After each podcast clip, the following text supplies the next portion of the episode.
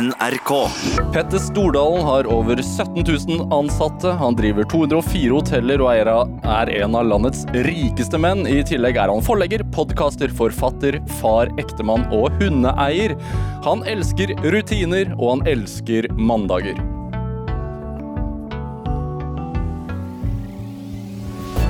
Dette er Drivkraft med Vegard Larsen i NRK P2. Petter Stordalen, hjertelig velkommen til Drivkraft. Tusen takk, Vegard. Og jeg må takke deg for én ting.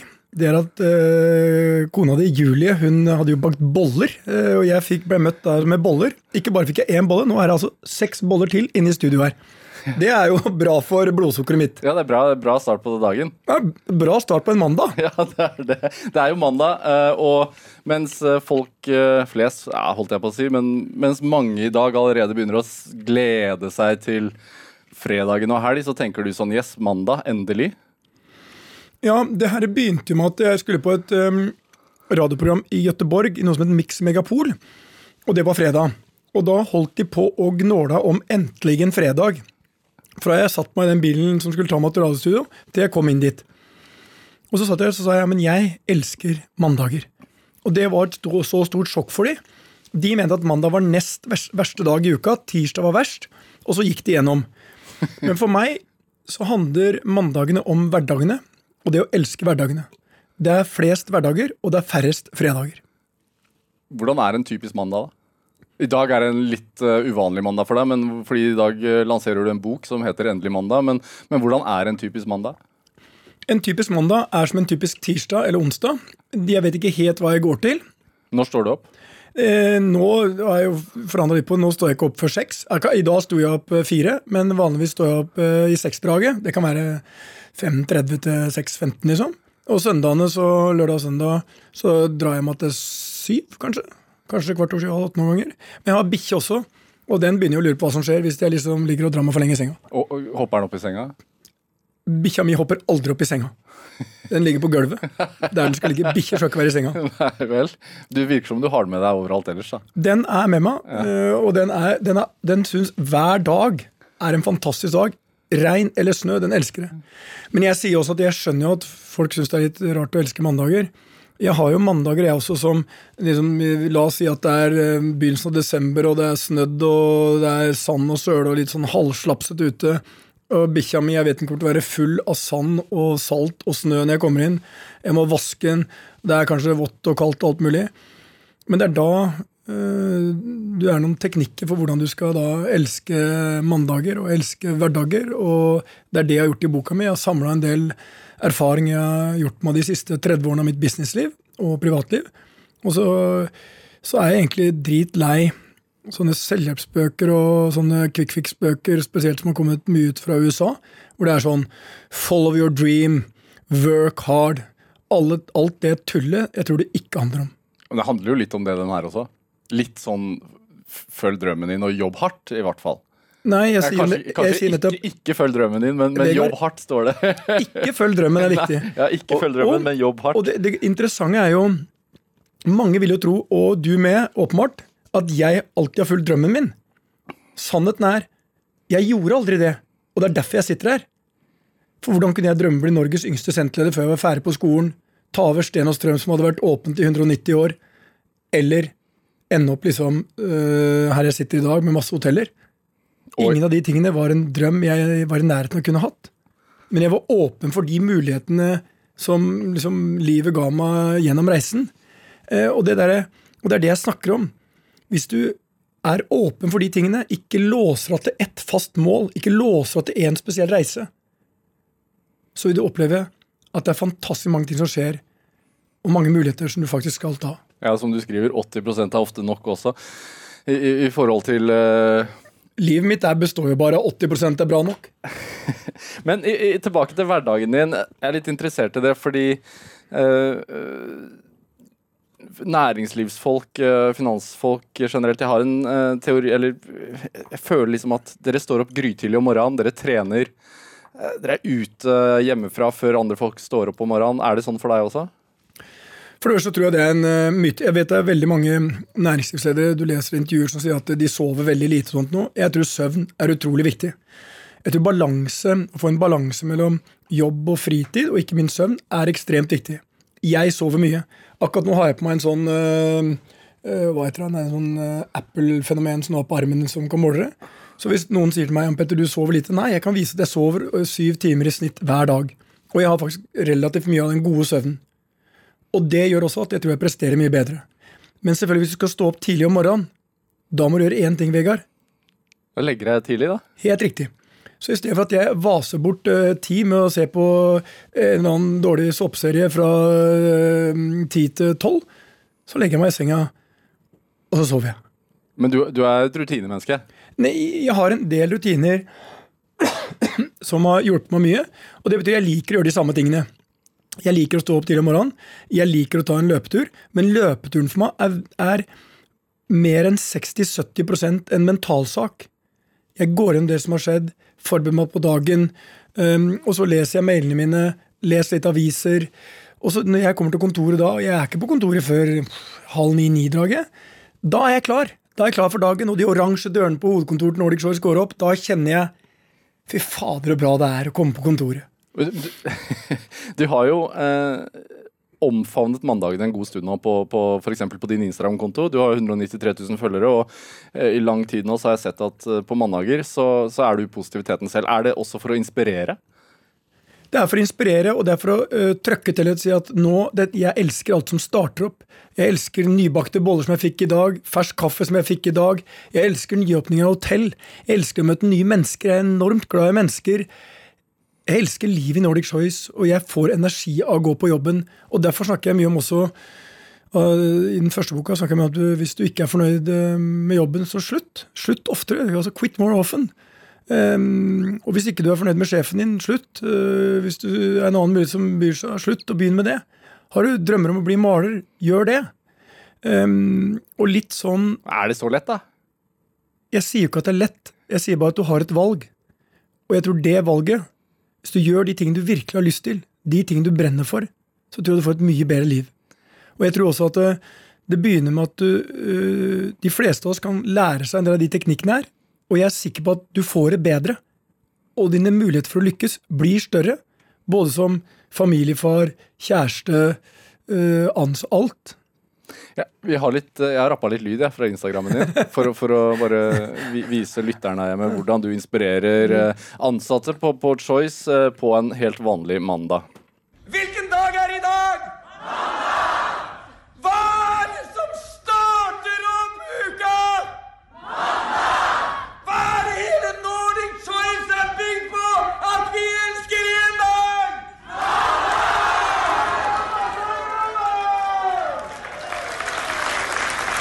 Helt vanlig mandag. Jeg skjønner jo at øh, folk syns dette er over the top. Og når jeg hører på det, så gjør jeg også det. Mm, Men Syns du det? Ja. Um, og jeg syns jo Jeg skjønner jo at folk liksom um, Hva er det toppsjefen i Torgeir Silseth en gang sa? Petter er noe midt imellom Jack Sparrow og en teletubby uh, med litt for mye energi. Uh, og som han sa, når han, kom, når han kommer ut med de nye Kaptein Sabeltann-jakkene sine, som han sa, så lurer jeg på er det mulig. Um, og jeg skjønner at folk kan oppleve det sånn, um, men sannheten er at uh, dette er en veldig liten del av livet mitt. Uh, 90 av livet mitt handler om å gå på jobb i Nordic Choice. Det handler om familien min. Og det handler ikke om de store åpningene, selv om det er det media skriver om. Og det handler ikke om de one-takene på mandagsvideoene, som jeg ofte gjør hvis jeg er møtemenneske eller gjør ting. Jeg har gjort alle mulige. 90 av de har jeg tatt sjæl på sånn one-take, eller fått noen til å ta det for meg. De er langt fra perfekte, men de sender et signal om at nå er det en ny uke med nye muligheter, og du kan begynne å forandre på tingene i livet ditt nå. Du, du starta jo dagen i dag, da, for det er en litt annerledes mandag, med, med å holde et gratisforedrag på hotellet til Hub i Oslo. Eh, med utgangspunkt i boka di 'Gjenlig mandag'. Og hvor mange var det som kom? Nei, det var helt vilt. Det kom 1200 mennesker, det sto kø utafor det hub. Eh, nå bøy jeg på liten frokost med croissant og, eh, og litt lett frokost, og alle hadde betalt 100 kroner, som uavkortet gikk til Erlik Oslo, eh, for å komme. Og det var superstemning i salen, og jeg møter så mye bra mennesker. Men det fine som skjedde meg i dag, det var når jeg kom kvart på sju til The Hub og gikk inn og skulle se på frokosten. Fordi vi har sånn rating på frokostsystemet hos oss, og da så jeg at de hadde vært rata som en av de beste. tenkte, skal jeg se hvordan det ser ut. Og så møter jeg en fyr der som står og lager uh, omelett. Og så sier han jeg må bare ta deg i handa. Du forandra livet mitt. Og så kjente jeg liksom at jøss. Og så forteller han om han var på talentjakten og vi skulle ha ansatte til The Hub. Ja, fordi du har talentjakter. Ja, du har og der, der var det 2000 mennesker. Og han sa jeg var en av de som du snakka om, som fikk den første raden i CV-en. Og det gjør at jeg i dag jeg, liksom, jeg er blitt skattebetaler. Jeg fører min familie. Både kona og barna syns det er helt fantastisk. Og jeg må takke deg. Så, og jeg tenkte når jeg gikk derfra Du tror at det er du som var heldig. Det er jeg som er den heldige her. Så alt det jeg tror på, handler jo om mennesker jeg møter, mangfoldet, trua liksom på det faktum at vi lever i verdens beste land, Vegard. Vi er de heldige. Vi som lever i Norden, er helt unikt heldige. Du beskriver jo det i boka di også, at uh, gjennom historien så Dette her er liksom toppen til, Nei, til dette er det ypperste av den sivilisasjonen som verden noensinne har opplevd, og vi er der. Men vi tenderer til å fokusere på alt det som ikke funker. Du tar det som en selvfølge, Vegard. Mange ting, annet lufta du puster inn, het den ikke er der. Sånn er det med byråkratiet. Du ser ikke alt som fungerer perfekt. Skal jeg si en, et fantastisk fenomen? Noe jeg ikke fikk med, for det var, for seint å ta med boka. Vi klager på byråkratiet. Jeg mista sertifikatet mitt. Det forsvant etter hans. Jeg mista ikke sånn, men jeg mista det. Jeg det slumsa bort et sted og skulle få nytt. Så sier en kollega til meg på jobben som heter Mats, finansdirektøren min, sa, Petter, du kan laste ned en app. Og vet du hva jeg gjorde? Jeg lasta ned en app. Det tok meg tre minutter. Her er mitt førerkort, Vegard. Mitt førerkort tok meg tre minutter, og ikke bare det. Kommer jeg til en kontroll, så står det kontroll her. Trykker jeg på den, blup, så kan politiet skanne av den. Vet du hva? Hvor mange land i verden kan du gjøre det? De nordiske. Bare, bare prøv å gjøre det samme i Italia. Er, er- det derfor du også uh, er så klar på at du betaler skatt med glede, og at, folk, uh, og at uh, skatteordningen er veldig, veldig god? For det første, skatt for bedrifter i Norge i dag, den er helt ok. Det er ikke noe å klage på. Klager du på den, skjønner du ikke en dritt. Den er på 22% 23 og de- kommer til å ende opp rundt 21-22. 21 kanskje, som de er i Sverige. Så den er helt grei. Og da må du ikke fokusere på det. For dette er det som finansierer velferdsstaten. Skatt er sivilisasjonens kostnad. Og det jeg også tar opp i boka, det er å forstå hvor heldige vi er. Og så fokuserer vi bare på det som ikke funker. De to-tre prosentene. Og media gjør det. Jeg skulle få nytt pass. Og det er kort tid siden, for jeg hadde, var på et hotell som det var ikke mitt hotell, jeg var i utlandet, som brant. så Passet mitt var borte. Måtte ha nytt pass. Da kom jeg ned til Grønland politikammer, hvor alle hadde forberedt meg på at ah, der tar det lang tid. Og så gikk jeg, så kunne jeg bestille tid. Kom ned. Hadde tatt med meg øh, laptopen min og forberedt på at der ble jeg sittende et par timer. Det tok under ti minutter. Pling! Mitt nummer der. Kom inn. Ti minutter seinere fikk jeg beskjed om kan bare hente passet om en uke. Altså, byråkratiet i Norge, fantastisk. Samme opplevde jeg i Sverige. Samme er i Danmark og Finland. Disse få liksom fire eller fem nasjonene oppe i nord, de er de ypperste av hva vi har. Og så skal vi fokusere på alt det som er bra. Alt det som funker. Det som gjør at det, dette er Det er ikke i USA det er lett å bli rik. Det er faktisk i de nordiske landene. Her er det lett å etablere en bedrift. Og vi har alt det vi har, skal være så takknemlige for. I USA så må du begynne å bekymre Du har fått unge nå, 17 måneder. Du er ikke et sekund bekymret for at ikke du kan ta pappaperm, mammaperm, alt sammen. Det er betalt for, det er ordna opp. Du bør ikke bekymre deg for at eh, Er det sønn eller datter? Sønn. Sønn. Du bør ikke bekymre deg for at sønnen din ikke skal få utdannelse. Hvis du hadde vært født i USA, så hadde du begynt å bekymre deg bare over permisjon. For de har ikke sånne systemer. Det er ikke noe staten er inne på. Du måtte begynne å bekymre deg tidlig for å sette av penger til utdannelse, for det er dyrt å gå på skole i USA. Og jeg kan nevne hundrevis av sånne eksempler. Og derfor sier jeg hele et system vi har, er basert på én ting. Tillit. Tillit er Nordens gull. Og jeg skal kjempe for, med hele selskapet, alle over 17 000 ansatte Vi må bevare, vi må kjempe for det her. For det er det beste vi har. Sier ikke det er perfekt, men det er det beste vi har. Tror du at du hadde vært der du er i dag uten velferdsmodellen, uten velferdsstaten? Det er ikke mulig. Jeg lykkes fordi jeg var født i Norge 1962, Porsgrunn. Hadde ikke vært, hadde ikke vært i nærheten av å lykkes, så hadde jeg født andre steder. Du, det er litt morsomt her, fordi Jeg fikk tilsendt uh, i går en, en Norstat-undersøkelse. Jeg vet ikke om du har sett den selv, ja, men Norstat har i hvert fall spurt uh, det norske folk da, uh, hvem de kunne tenke seg å ha som statsminister i Norge i dag hvis de skulle valgt en ikke-politiker. Kan du gjette hvem de stemte frem? Altså, Med god margin Petter Stordalen. Ja, og det, jeg ville blitt en usedvanlig dårlig politiker. Nei, tror du det? Ja. Det høres ikke sånn ut nå. Nei, men Skal jeg si hvorfor jeg ville blitt dårlig? Er ikke staten bare som en litt større versjon av uh... Jo, men Nå skal jeg forklare hvorfor jeg blitt dårlig. Det jeg hadde gjort Jeg hadde shoppa litt rundt. For jeg tror ikke det er ett parti som sitter på alle de gode løsningene. Jeg hadde tatt kanskje litt fra Arbeiderpartiet, litt fra Høyre, litt fra der og litt fra der. Og så hadde jeg tatt dette sammen. Og så er jo jeg veldig konfliktsky. Jeg er, så, jeg er, konflikt, jeg er egentlig en ganske dårlig leder som leder.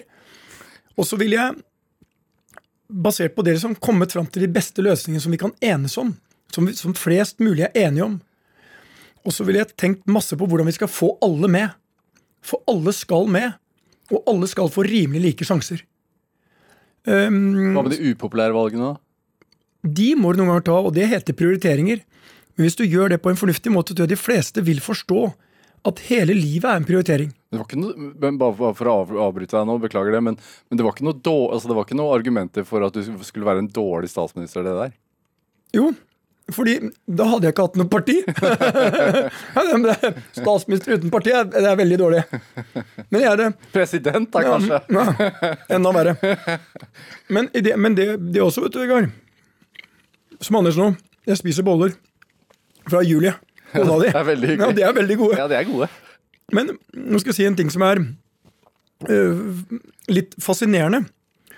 Det er hele ideen med samfunnet vårt, hvordan det er bygd opp, hva, hva, som fungerer. Det har bare fascinert meg mer og mer, og hvor viktig det er. Hvor viktig det er at vi kjemper for de tingene her. Og du tror, som du spør meg, at det er politikere som skal komme med løsningene. Der tror jeg du tar skremmende feil. Hvis ikke sivilsamfunnet, kapitalister, næringslivet, sånn som meg, tar et aktivt valg og engasjerer seg, så kommer vi aldri til å få til å løse de store utfordringene. Hvis ikke vi går foran og viser det, så får vi aldri til løsninger. Uansett klimaproblemer, helseproblemer, alt sammen. Og det begynner med én ting. Begynn i din egen bedrift. Begynn å snakke der. Begynn å legge verdigrunnlaget der. Begynn å rapportere på en trippel båndlinje, og ikke fokuser bare på at du skal telle mest mulig penger, for det handler om så uendelig mye mer enn det. Men er det jo sånn at alle har ikke samme verdier, da? Nei, men jeg er mest opptatt av verdiene vi har i Nordic Choice. Når vi snakker om mangfold, og når vi støtter pride, og vi får kritikk for pride, eller får kritikk for mangfold, når vi kommer med Ali-hjelpen, og mailboksen og kundesenteret ringes ned av folk som basically kommer med rasistiske ytringer, da har vi nulltoleranse. Når folk sier at eh, de vil slutte å bo på hotellet mitt fordi vi støtter pride, da sier jeg vi skal ha mer pride. Vi skal ha høyere musikk. Jeg skal ha flagg, prideflagg på alle hotellene. Og vi skal feire pri- pride over hele Norden. Mer trøkk enn noensinne. For det er for meg en menneskerett å elske den du vil elske, og tro på den guden du vil. Og det er Norge for meg. Og det vil jeg kjempe for. Og da, da, helt, da, da får heller noen la være å bo på hotellene mine. For jeg vet i det lange bildet så vil jeg tjene på det. Skjønner godt at folk vil kritisere meg, skjønner godt at det blir altfor mye meg, og det blir for mye elske mandager og svære åpninger. Men det de ikke ser, det er at jeg snakker egentlig de 17 000 som jobber for meg. Hvor uendelig stolt jeg er av de. Alt det skriver jeg også med i boka. Det som hvordan du skal bygge team, hvordan du skal forhandle. Alle de mytene som jeg er lei av, de tar jeg opp. Dette er Drivkraft med Vegard Larsen i NRK P2. Og i dag så har vi eh, hotelleier og forfatter Petter Stordalen her i Drivkraft. Du starter jo i boka di med å beskrive deg selv for 17 år siden. Ja. Hvem var Petter Stordalen den gang? Hadde du spurt eh, Ingrid, min ekskone, som er verdens beste mor, så hadde hun kun sagt at eh, jeg var en som jobba 16 timer i døgnet. Hun så når jeg våkna om natta, ble det neseblod. Legen min sa at det er fordi du brenner lyset i begge ender. Som ikke var noe sånn diagnose han hadde fått på eh, doktorskolen, men eh, noe han hadde fått liksom sunn fornuft.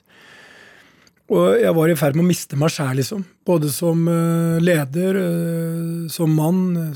Ekteskapet mitt var i ferd med å ryke. Hva var det som drev deg da? da? Eh, jeg trodde det var så viktig å være med på alt. Og antall timer jeg la ned, var eh, ensbetydende med suksessen. Og det var ikke. Og så skjønte jeg at jeg kan ikke holde på sånt her. Og så begynner jeg da å skrive ned de tingene i en sånn notatbok. Liksom, hva, og jeg, jeg jobba meg gjennom det gjennom mange år, så det er ikke noe som går fra én dag til en annen. Um, og mest av alt så var det Jens H. Gundersen, um, en som jeg begynte Sten og Strøm sammen, som jeg møtte i Made In, som skrev et håndskrevet sånn oppsummering av meg som leder til meg, som fikk meg til å våkne. Hva skrev han da? da? Han skrev egentlig at um, jeg var i ferd med å bli uh, sjølgod, uh, egosentrisk, uh, uh, og at jeg for mange ganger bar preg av ikke forstå at når jeg bevega meg så fort som jeg gjorde, så skapte det mange utfordringer for alle de jeg jobba sammen med. Um, og det brevet jeg husker han hadde en sånn management score fra 1 til 10. Og Percy Bar Barnevik, stor eh, leder i Sverige, og ikke minst Jens, lå ganske høyt oppe og nikka på sånn åtte-niere. Og så satt han meg på halvannen. Da skjønte jeg det er, ikke, det er ikke den lederen jeg vil være. Det er ikke sånn far jeg vil være. Det er ikke sånn jeg skal bli huska. Og så ringer min ekskone meg noe seinere og sier Petter, jeg trenger at du kommer på banen. Og det forandra mye av livet mitt. Og, øhm, og det betydde mye for øh, både for den første boka og ikke minst denne boka. Hvis du ikke du hadde fått det brevet, og ikke ekskona di hadde ringt deg og satt deg litt på plass, hvor, hvor hadde du vært i dag, tror du? Definitivt ikke her. Tror du ikke det? 100 ikke. Eh, Jeg elska jo mennesker, men jeg lærte Jeg skjønte jeg måtte stole mer på alle de rundt meg. Jeg måtte ansette folk som var bedre enn meg sjæl. Jeg måtte tro på alle de tingene jeg snakka om, men ikke helt praktiserte. Det var forskjell på liv og lære. Um, og min eks hun, hun ga meg et lite klaps, et nudge, vil jeg si, sånn forsiktig som hun alltid gjorde. Jens ga meg en ordentlig uppercut av en tilbakemelding, og den satt. Jeg Trenger man det noen ganger, tror du? Jeg trang åpenbart et ordentlig korrektiv. Um, men det er ikke alle som trenger å, å gå gjennom den prosessen der sånn. For det er ikke alle som trenger å gjøre alle de feilene jeg gjorde i begynnelsen. For jeg gjorde en del feil. Men er det sånn at man kan bli litt sånn blendet av umiddelbar suksess? Fordi du, gjorde det jo bra ganske kjapt, selv om du jobbet hardt, da. Ja, men det var ikke, ikke dette var en periode hvor, um, hvor ikke Dette var jo så tidlig at suksessen altså Vi hadde jo store utfordringer med Sten og Strøm i starten, eh, men det gikk mye bedre. Um, um, så var jeg heldig å få sparken, eh, og det forandra jo på mange måter eh, alt for meg. Fordi det var jo det som brakte meg inn i hotellverden. Og det er derfor jeg også snakker om at du ikke skal følge drømmen, liksom. Det er jo jeg jeg merker jo at du har en evne til å snu eh, negative opplevelser til noe positivt. Altså Når du sier at du var heldig å få sparken der og da, så følte du sikkert ikke det som noe, som noe lykketreff. Men, men, eh, men, men, men du har klart å få snu det til noe positivt, da. Er det, det, har du alltid vært sånn, eller er det noe du har lært deg? Å tenke at ok, den døren lukker seg, da kan, kan en annen åpne seg, eller? Nei, det er, mm, det er ting jeg har lært meg. Um, og veldig mange av de tingene jeg også skriver med boka, er ting du kan lære deg. Det er enkle ting du kan forandre på. Du tror annet at eh, det er de smarteste personene hvis du skal ansette noen, som er det viktige å ansette. De som er virkelig smarte. Ja, nå har jeg lest boka di, da, så da har jeg forstått, at det ikke er det. Det er helt riktig. Men det betyr at det er håp for deg og meg. Sånn som er ganske gjennomsnittlig. For du hvis jeg tipper liksom, du er ganske gjennomsnittlig på det meste tingene. Hvis du tar en uh, IQ-test, er du ganske gjennomsnittlig. Som meg. Helt på det jevne. Og jeg er sånn passe god i mye ting. Jeg er over gjennomsnittlig god på tall. Men det er mennesker som jobber for meg, som er uendelig mye smartere, som kan mye mer om hotell. Allikevel jobber de for meg. Og da må du la mennesker få vokse. Og hvis, hvis du skal bygge et selskap, ikke se på det som et utfordring å ansette mennesker som er smartere enn deg sjøl. For det er de som vil løfte selskapet. Når du er i en jobb i Nordic Choice, så er det sånn det der å, å ha det som en idé, og det der å la mennesker vokse, det er noe helt fantastisk i. Det er noe, det er noe, det er noe sterkt urkraft som drar selskapet opp. Det er hundrevis som er mye bedre på hotell enn meg. Er Likevel så er det meg som sitter hos NRK. Men hva er din sterkeste side, da? Um, Jeg er veldig glad i mennesker. Altså, jeg er veldig glad I mennesker jeg, er, jeg er genuint opptatt av kultur. Jeg er genuint opptatt av at det som bygger selskaper, er ikke penger. Det er mennesker som bygger selskaper. Det er mennesker som gjennom historien har kommet med de store endringene. Det er ikke robotene. Og mennesker har aldri vært viktigere enn akkurat nå. Og det er ikke noe utfordring at vi får øhm, flere roboter eller artificial intelligence og alle de tingene her sånn. Det vil bare gjøre at vi som mennesker får enda bedre. Vi får litt mer tid. Og det er jo fantastisk. Hva skal du gjøre da? Du skal lese bøker. Så blant annet, når jeg gikk inn i forlagsbransjen, så sa alle at jøss, hvorfor gjør du det? Der har det ikke skjedd en dritt. Alle går ut til tech og nye ting. Nettopp. Ikke gå dit. Der går alle de supersmarte. Der passer ikke jeg inn. Men jeg møtte et par stykker som hadde gått inn i forlagsbransjen. tenkte jeg, Der har det ikke skjedd så mye på mange år. Kanskje jeg går inn der. Og det har gått altså, det har gått utrolig bra.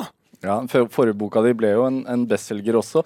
Eh, en, en fast ting du skriver at eh, du har begynt med, som, som gjør eh, livet godt for deg, er rutiner som f.eks. at du spiser middag hver dag klokken åtte hjemme med Gunhild. Mhm. Hvorfor er det en fast og viktig greie?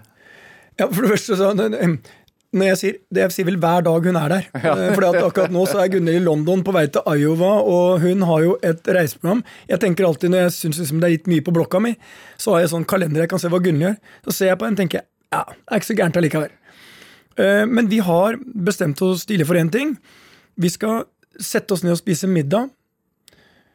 Og skal vi ikke ha eh, mobiltelefon, ikke ha TV. Det er bare oss to. Begynner klokka åtte. Nå har vi justert noen ganger til halv åtte, øh, hvis det er litt mye å gjøre, for da vi må legge oss litt tidligere. Og da spiser vi middag der og bare prater sammen.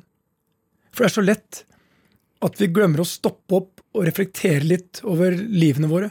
Og det er bare de små tingene. Det er bare sånn prat som vi prater nå. Eller Noen ganger så er det jo Gunhild hun skal redde verden, så det er noen ganger litt større spørsmål kommer, øh, og jeg strever med å følge.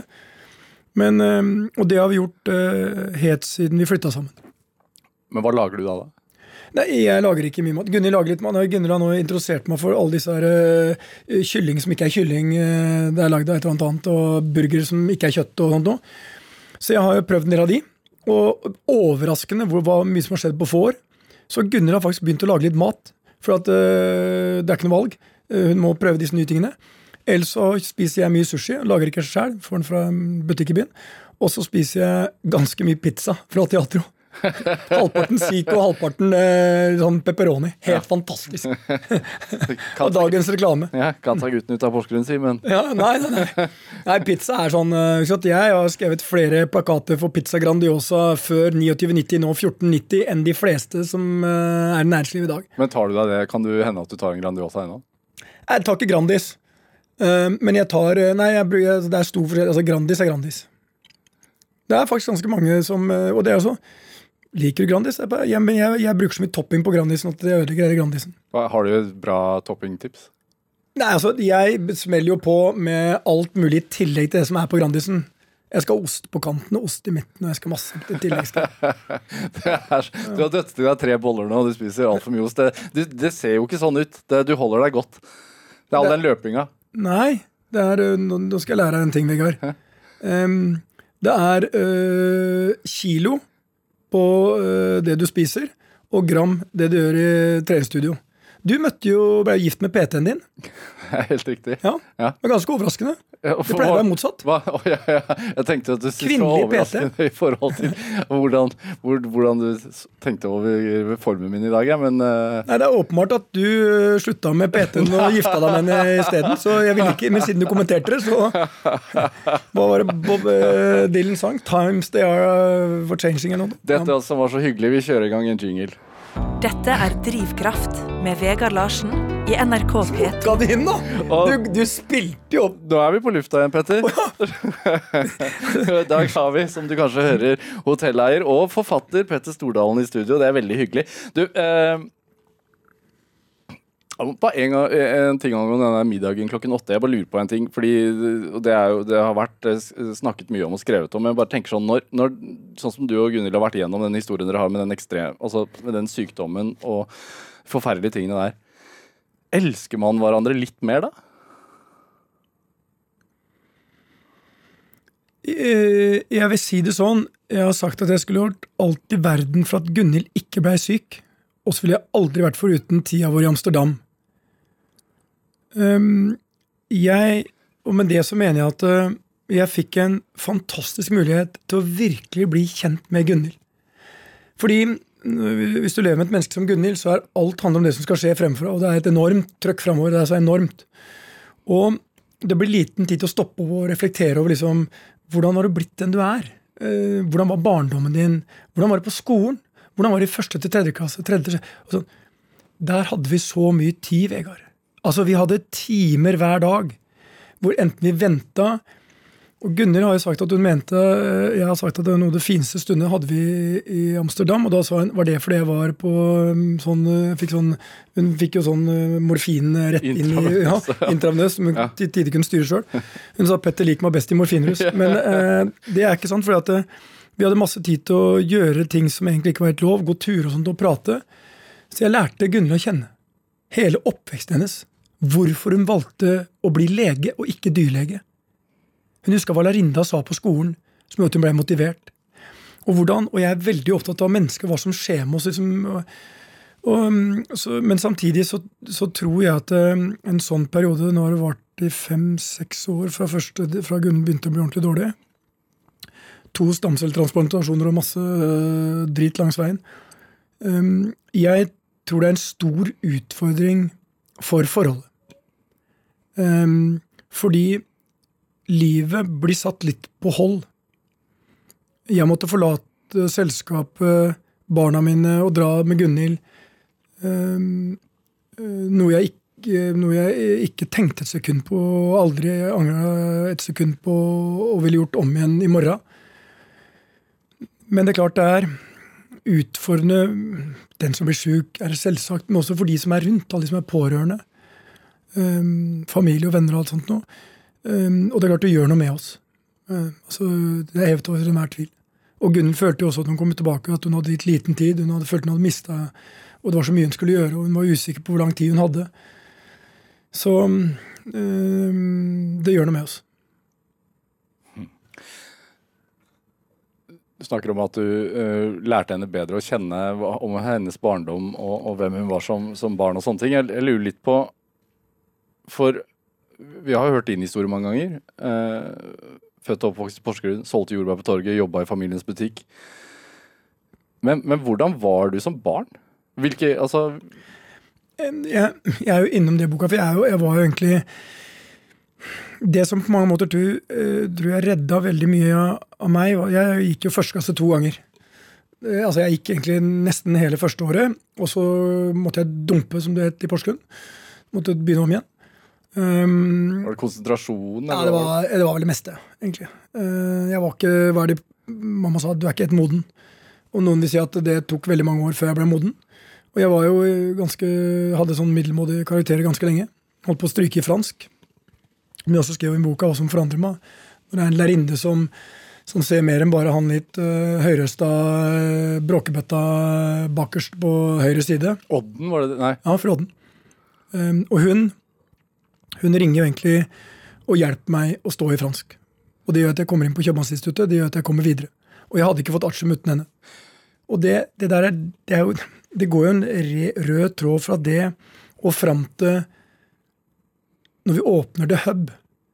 Og da ser du at det er mange fra i Nordic Choice. Og det er alle de tingene jeg ser. Det er alle historiene som, som på mange måter nå utfolder seg i selskapet.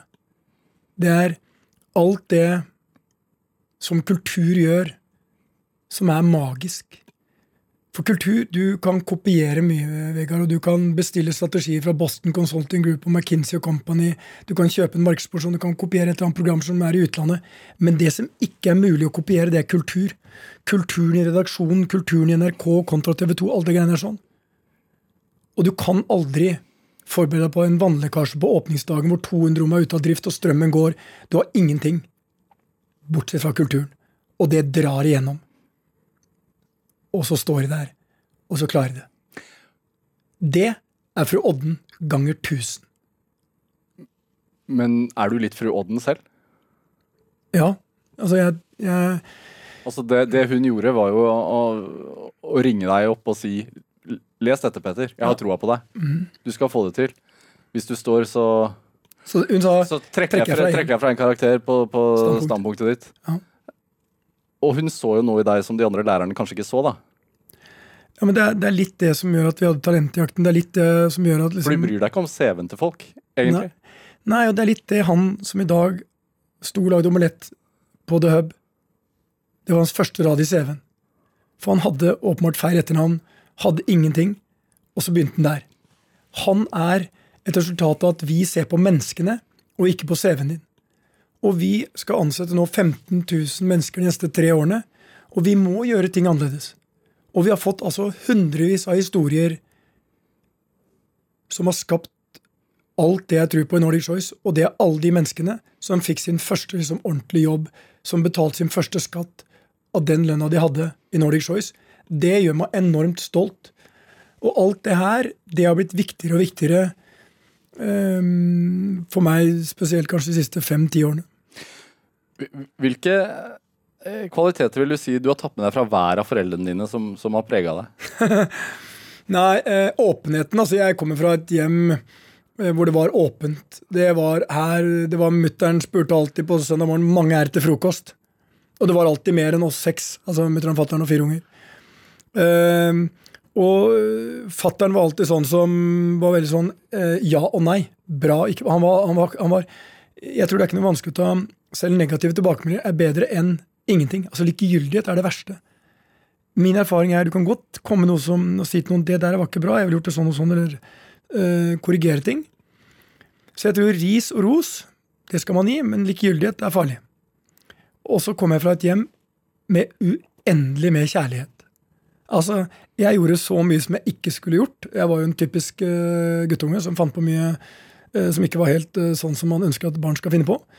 Som for eksempel altså, jeg kommer, ja, det, det, er, det begynner liksom på at når jeg er på epleslang og kirsebærslang hos naboen, og jeg kommer Butikken må var full av epler.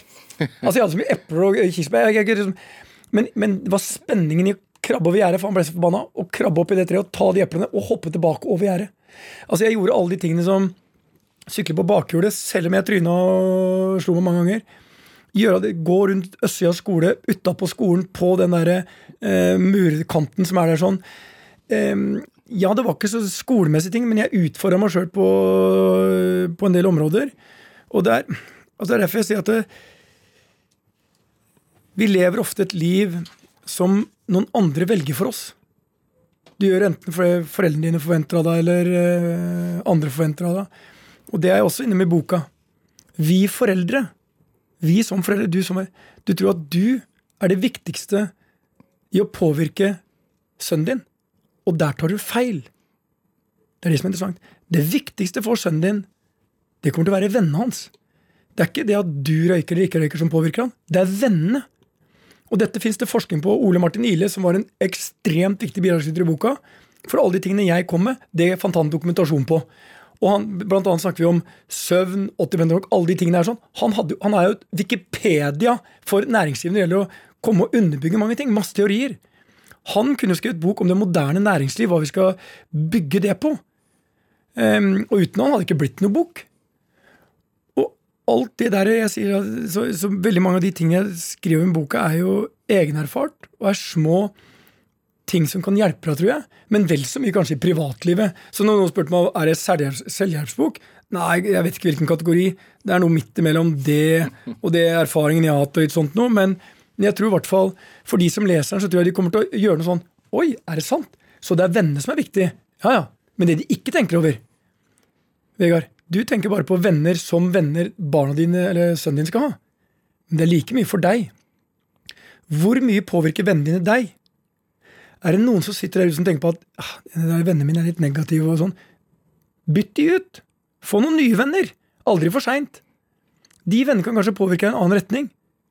For venner rundt oss er kanskje det viktigste i forhold til å påvirke oss. Det virker som på meg når du snakker om venner, så jeg, jeg, har en øh, et inntrykk av at du har uhorvelig mange kompiser, men kanskje ikke så veldig mange veldig nære venner? Nei, og det, jeg, jeg, jeg, sa jo en gang også, jeg sa at jeg har få nære venner, sa jeg. Og da ble det oversatt at jeg har få venner. Har ingen venner, sto det plutselig i en avis. Jeg tenkte sånn, og det er mange som tekster meg og sa Petter, jeg er jo din venn. Altså, og det er, For meg er definisjonen enkel. Ja, jeg har få nære venner. Hva mener jeg med nære venner? De hvor jeg opplever en dyp mellommenneskelig kontakt, og jeg kan være åpen om alt, helt uten noe som helst bekymring for at ikke de skal ha integritet og et etisk moralsk kompass som styrer hvordan de skal bruke det jeg forteller. Blir det færre med årene, eller flere? Ja, og det er også utrolig. da. Det har blitt flere. altså, og jeg har jo fått, vært heldig og fått venner etter jeg fylte 50. Det syns jeg er fint, det. Jeg har fått to av mine nærmeste venner etter jeg fylte i hvert fall 47. Og det syns jeg er helt utrolig fint. Eh, For jeg forlot jo mange av de gamle vennene mine i Porsgrunn og.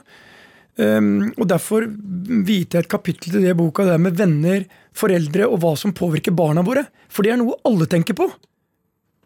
Og så er det sikkert noen som syns at ja, men hva har- har det med business å gjøre? Ja, de fleste vil si ikke en dritt. Jeg vil si les det kapittelet en gang til, og tenk deg om.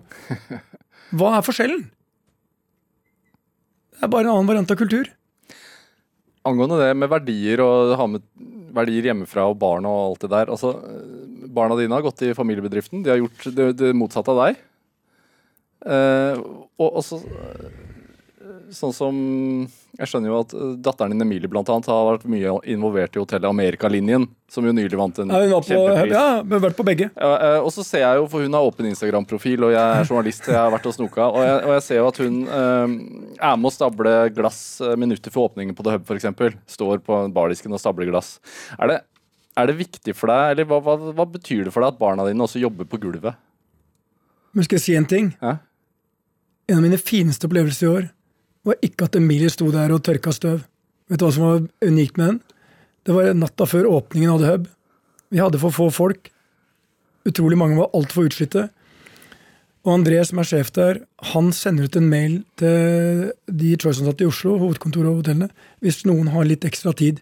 Vi trenger alle hender vi liksom har bo som kan fremskaffes nå, liksom. Da tar Trine Marsdal, som er mm, finansdirektør, og sier nå stenger vi av PC-en alle sammen. De regnskapene kan vente til i morgen. Nå går vi til Hub, de trenger oss. Og så sender Emilie meg et bilde fra midnatt. Da står Trine der i høyhælte sko og businesskjolen sin og setter inn bøker i biblioteket og tørker støv. Det er kultur, det. Da kjenner jeg at jeg liksom må at jeg er rett det, det, det, Og det hotelleventyret som går på TV Norge nå, det syns jeg illustrerer godt hva dette selskapet jeg elsker, og hvorfor jeg elsker det. Og der når det gjelder barna, så gjorde jo faren min Han ville at jeg skulle overta butikken. Altså Jeg, var, jeg hadde en søster som var eldre, men det var meg. Det sto omtrent fra jeg var født, så sto det mitt navn på, på det. Og så gjorde jeg ikke det. Fordi det var fatterns drøm, og jeg ville noe annet. Jeg ville gjøre, jeg visste ikke hva, men jeg ville gjøre noe annet. Jeg ville i hvert fall ikke være i den butikken. For jeg visste at i beste fall så skulle jeg videreføre det som var hans drøm, som han hadde tatt over etter onkelen sin. Og jeg tenkte jeg skal ikke gjøre den feilen for mine barn. Derfor overførte jeg ikke en aksje. Derfor gjorde jeg ingenting. Og det er først et par år siden jeg overførte aksjen til de.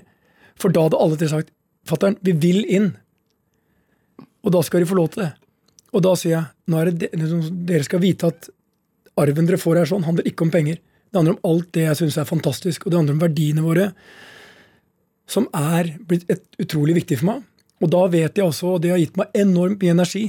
Akkurat nå, Vegard, hvor gammel er du? 38. Det er såpass. Du ser bedre ut. Du ser bra ut. Ja. ja, men 38, og så- men- Og så har du ett barn. Hvor gammel er dama di? 32. Ok.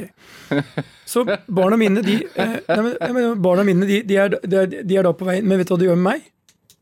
Akkurat når de kom inn, så kjente jeg Oi!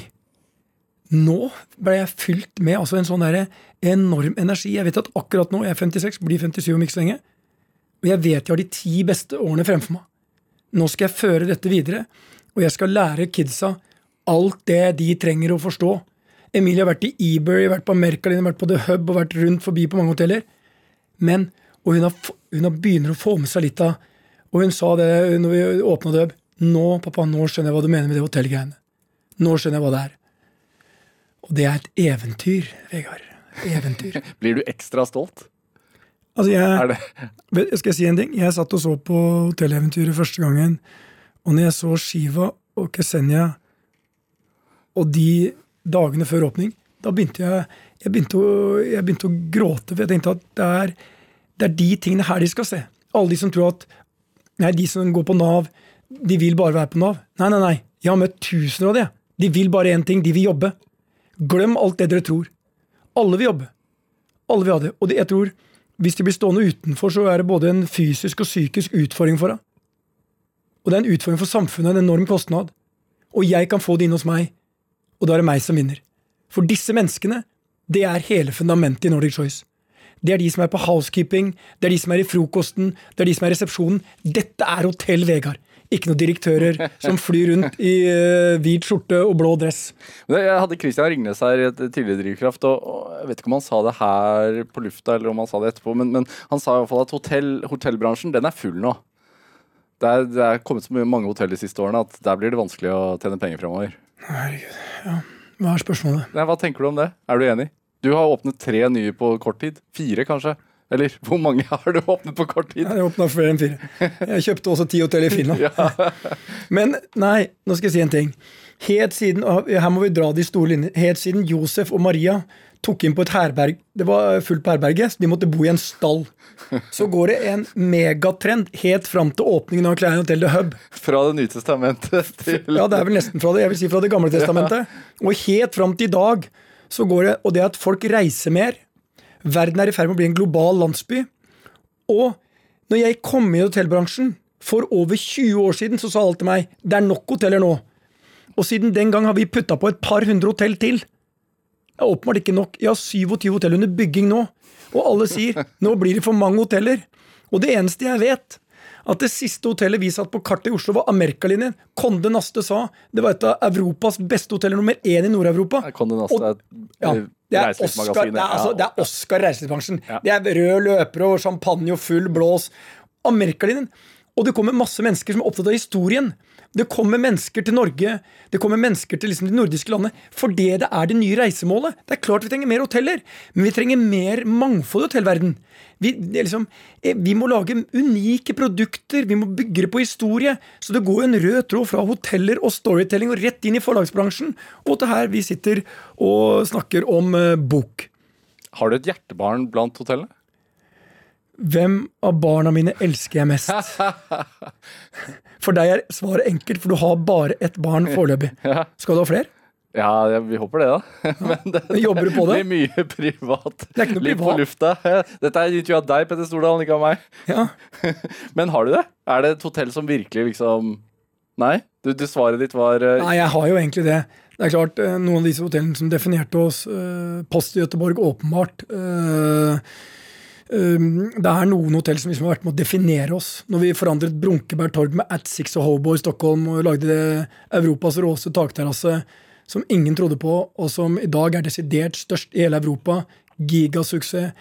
Når vi gjorde om det japanske spa Yasaragi, satt, altså hub 55 000 kvadratmeter, Norges største hotell, barer og restauranter og konferanser. Altså, det er det, Å bygge om det midt i Oslo Du skjønner ikke, Vegard. Det er, sånn at du våkner opp hver dag, og du har gåsehud, og du sover som et barn. Jeg sover som din sønn.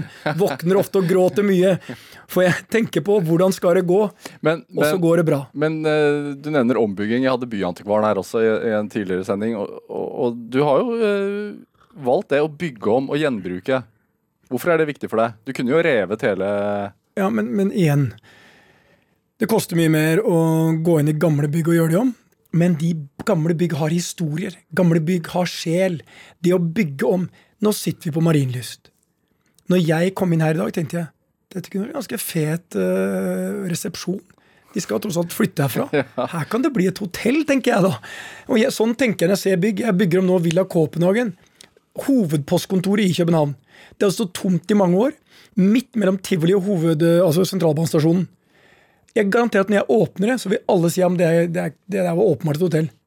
Men det var vi som gjorde det. Det sto tomt. I Gøteborg sto hovedpostkontoret tomt i 20 år. Så gjorde vi hotell, og mange sa da ja, det var ganske åpenbart. Men sier du nå at du kunne vært interessert i å liksom bygge om NRK Marienlyst til hotell? Det er 100% Ikke hele, men jeg liker den gamle delen her den sånn funkispregete stilen. Den fredede delen, eller? ja, jeg liker de, der, de utfordringene. Og vi sitter jo i et studio nå som er superfresht.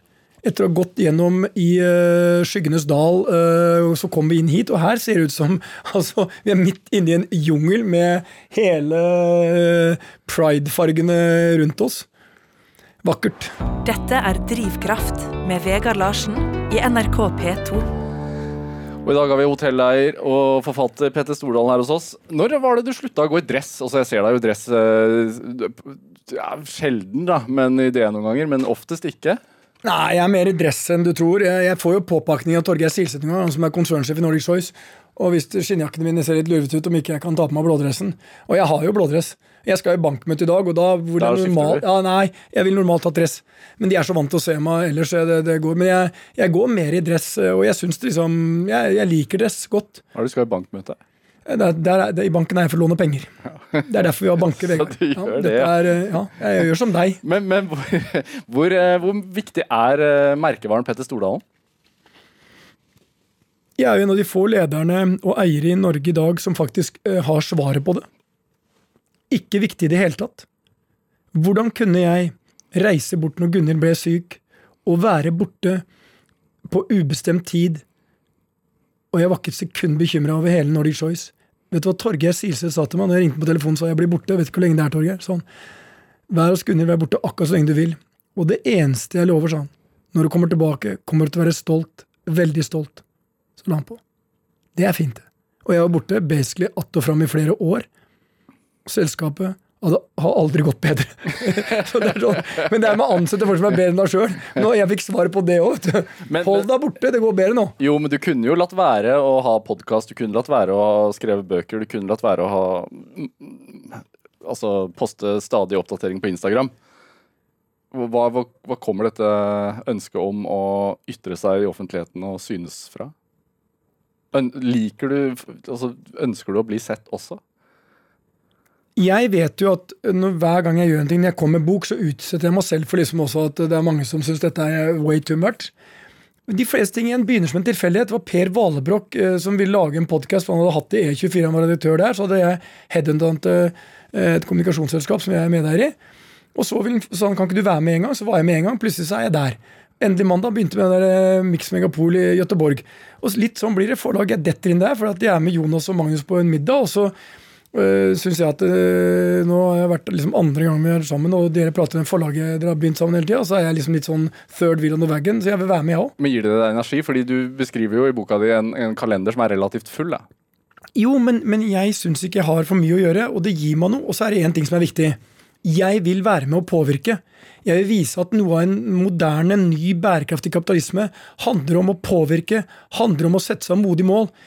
Torgeir Silseth kom på vår store konferanse foran 3300 mennesker uten å ha snakka til meg. Så sa han i 2020 er vi kvitt all engangsplast i Nordic Choice, og i 2022 er vi kvitt all plast. Og etter foredraget kom jeg og sa til han sa Torgeir, er det mulig? sa han. Aner ikke, Petter. 80 er jo bra nok. Og det kommer sikkert til å komme noen som sier at ja, jeg fant en eller plastkopp på et eller annet hotell. Så får det være. Jeg skal heller være en av de som sier noe, setter høye mål og river, enn å legge lista så lavt at jeg alltid hopper over. Og det handler om mennesker, det handler om miljø, og det handler om planeten vår. Det handler om det som barna mine skal arve. Og jeg vil være med å påvirke det, og da tar jeg heller kritikken. Og da tar jeg heller alle de nettrollene som tror at jeg bryr meg en dritt om hva de sier når jeg støtter pride, eller jeg setter opp Ali-hjelpen, eller om jeg prater om økologisk mat, eller om jeg snakker om klimakrisen. De kan bare hamre løs! Men de skal vite én ting. Jeg er stolt av det, fordi jeg er sikker på at at the end of the day så vil psykiatrien i Norge takke meg, for istedenfor at dere må gå til en psykiater med problemet deres, så fikk dere tatt ut noe av hatet deres over meg, og dere er snillere mot kona og ungen deres og alt sammen. Så du må se de positive tingene. Dette er det boka mi handler om. Snu på det, det er ganske positivt. Selv nettrollene er- ser jeg noe positivt i. Selv anmeldelse i VG. Ja, men altså, eh, husk en ting. Det spiller ingen rolle. Den anmeldelsen er for han News Today, Fish Wrapping Tomorrow og I couldn't care less. Altså, Jeg skriver jo ikke boka for en eller annen sånn litterær fyr som ville at jeg skulle skrive eh, sånn dikt eller noe. Jeg skriver en bok som handler om livet mitt. Han likte åpenbart ikke det. Han syntes også at mange av eksemplene jeg brukte, var dårlig, eh, selv om de er veldokumenterte. Og det er det som er fantastisk med det landet her. sånn. Og han glemmer én ting. Han ga meg ræva score på forrige bok også. Så en gang får han rett! For den boka, ifølge Kapital, er bestselgende i sin kategori gjennom historien i Norge. Og den boka her også.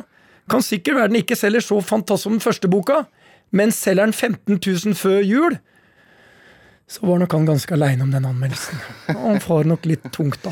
Eh, Petter Stordalen, denne timen nærmer seg slutt. Det går fort, dette her. I hvert fall når jeg er sammen med en mann som prater på inn- og utpust. Si. Programmet heter Drivkraft. Jeg spør alle gjestene. Jeg har jo fått et godt inntrykk i løpet av den timen av hva som driver deg, men hva vil du si er drivkraften din? Altså, er det å bygge et nytt hotell, eller hva driver Petter Stordalen? Jeg vet svaret skulle vært at det er å åpne nye hoteller, men det er ikke. Jeg har åpna så mange. Langt inne så handler drivkraften min om å vise at den kapitalismen som feila i 2008-2009, den må vi forandre på. Og vi må jobbe og gjøre ting så at vi får respekt og anerkjennelse for at vi kan være med og være en viktig bidragsyter til å passe på det som er det ypperste av det sivilisasjonen har, og det er de nordiske landenes styringsmodeller. Og det handler ikke lenger om look to America, look to Nordics. Det handler ikke om alle de tingene som den amerikanske presidenten får tvitra ut av seg. Det handler om at vi skal forsvare det vi har, for det er uendelig viktig. Og det skal jeg være med på. Og det inspirerer meg, og det inspirerer meg at barna mine skal lære seg det og videreføre den arven, for det er den viktigste arven. Det var det vi rakk i dag, Petter Stordalen. Utrolig hyggelig å ha deg her i Drivkraft. Du kan høre flere samtaler i Drivkraft i NRK Radio på nett og app. Send gjerne forslag til gjester jeg kan invitere til programmet. Send e-post til drivkraft at nrk.no. I morgen så møter du Maemo-sjef Espen Holmboe Bang her hos meg. Jeg heter Vegard Larsen. Ha det bra.